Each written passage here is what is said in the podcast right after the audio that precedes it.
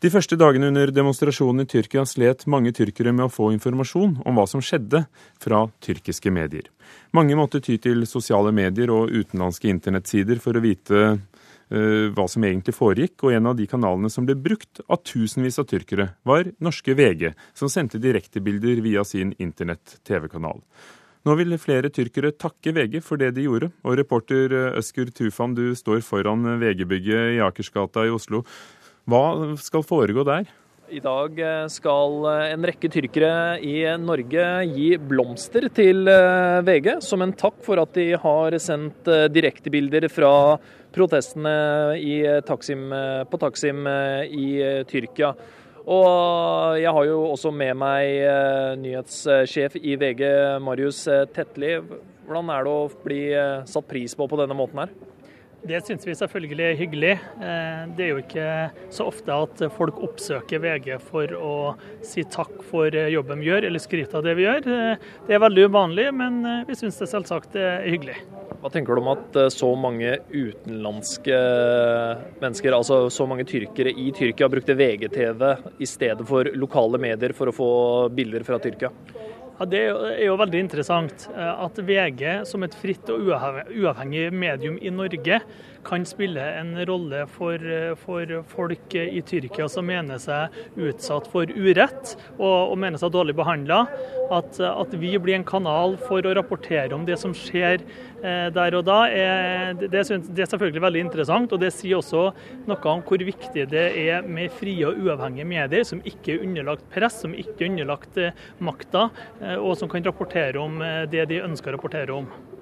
Og Vi har også med oss en av de som skal delta i uh, å gi blomster til eh, TV-kanalen. Det er deg, Recep Gursoy.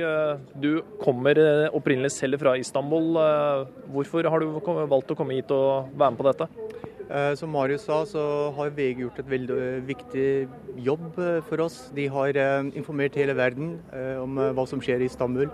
Eh, media i Tyrkia er eh, enten redd av eh, regjeringen, de tør ikke vise noe, eller så er de eid av regjeringen, og da viser de i hvert fall ingenting. Det er bare én tyrkisk kanal og VG som har turt å vise alt det her. Det brutaliteten politiet har brukt mot fredelige demonstranter. Verden har liksom lært det gjennom VG og Halk-TV, som det heter, den tyrkiske kanalen.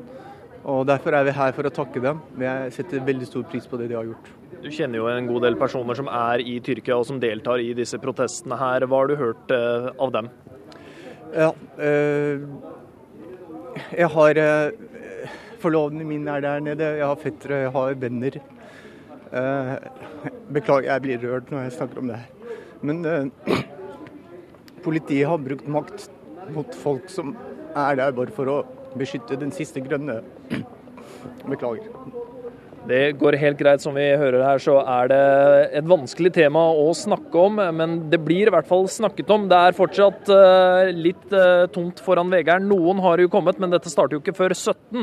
Og det er da VG vil, bli, uh, VG vil få blomstene sine fra tyrkere som har satt pris på det de har gjort de siste dagene. Tusen takk, reporter Øskur Tufan foran VG-huset i Akersgata, der eh, de blir satt pris på av tyrkere i Norge. Sigurd Falkenberg Mikkelsen, eh, vår Midtøsten-korrespondent på plass i Istanbul. Eh, demonstrantene har protestert for femte dag på rad.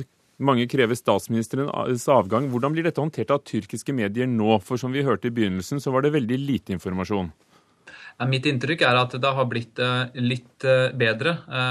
Eh, men det var jo eh, helt slående her i begynnelsen, hvor de eh, ignorerte alt som foregikk på Taksimplassen. De, den verste uroen og de, de, største demonstrasjonene i Tyrkia på årevis ble neglisjert av mediene.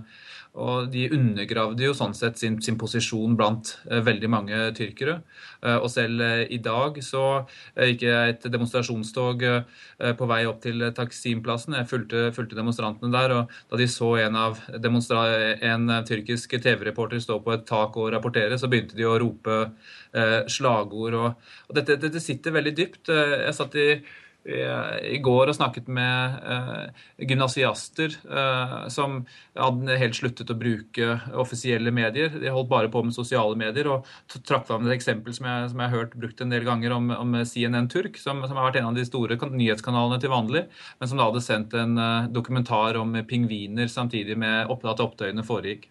Samtidig så hørte vi deg fortelle i Dagsnytt for litt siden om en um, ny tone fra regjeringen. De er invitert til møte med noen av uh, de som protesterer. Blir dette tatt på alvor? Er det en ny tone? Det er en ny tone, uh, men Abdullah Gull, har en, altså presidenten, uh, har en, har en, annen, har en annen inngangsvinkel. Det kommer fra samme parti som, som statsministeren. Eh, så Statsministeren er ute på reise. og så I hans plass da, så har det vært et møte mellom visestatsminister og president. og eh, Det er beklaget til det som har skjedd.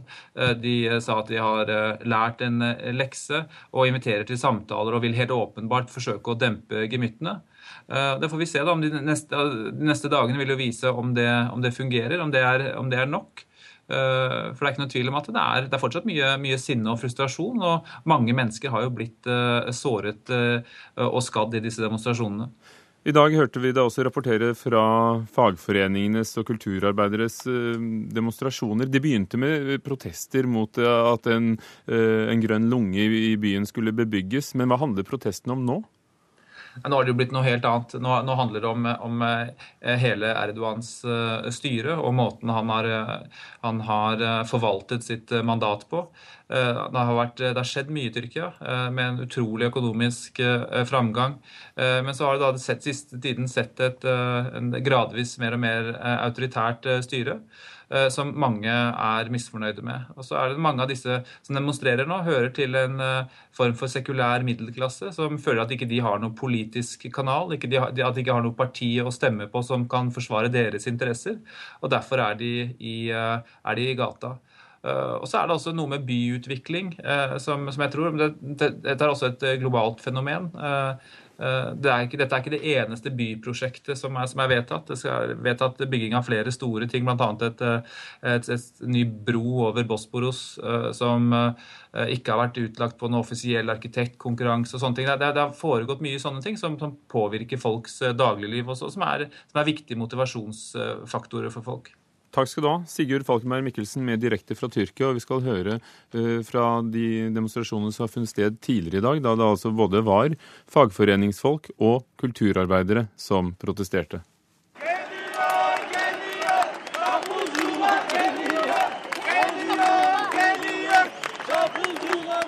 Røde banner og blå og hvite skyggeluer preger plassen foran det berømte og over 500 år gamle Galatasaray-gymnaset her i Istanbul, som ligger på den, i hvert fall for utlendinger, enda mer kjente handlegaten Istiklal.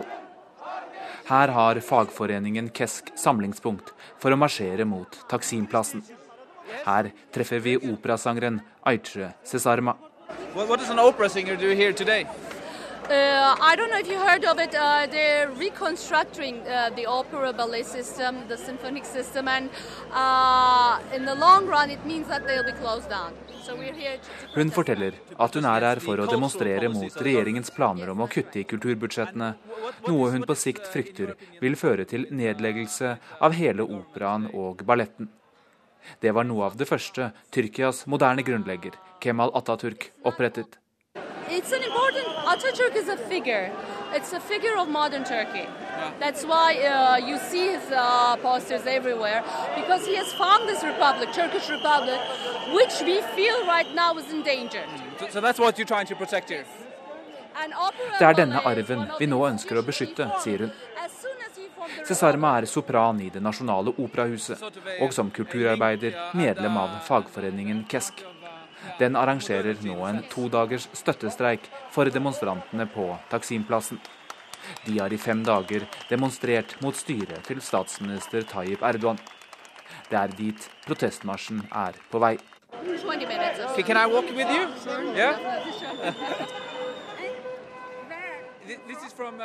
Jeg slår følge med Cesarma og hennes gruppe på veien. Hun er glad og stolt over at folk nå demonstrerer og viser handlekraft. Hun forteller at datteren hennes på 16 år er der allerede.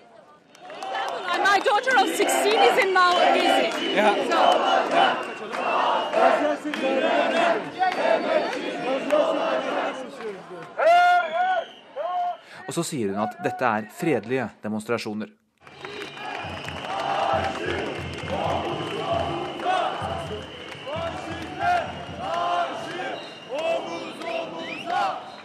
Til taktfaste rop marsjerer de fagorganiserte gjennom den berømte avenyen.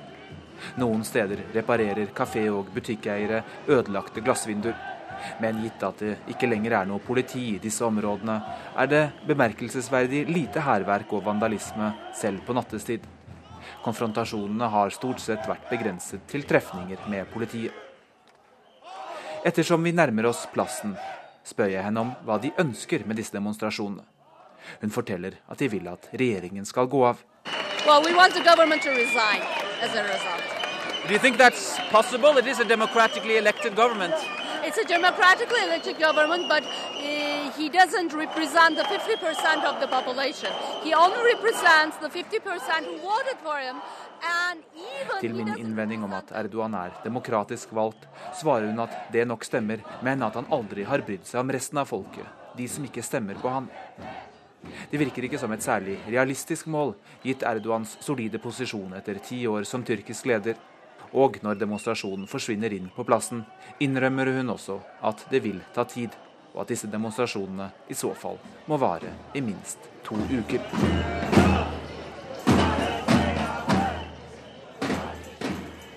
Sigurd Falkenberg Mikkelsen rapporterte fra Tyrkia.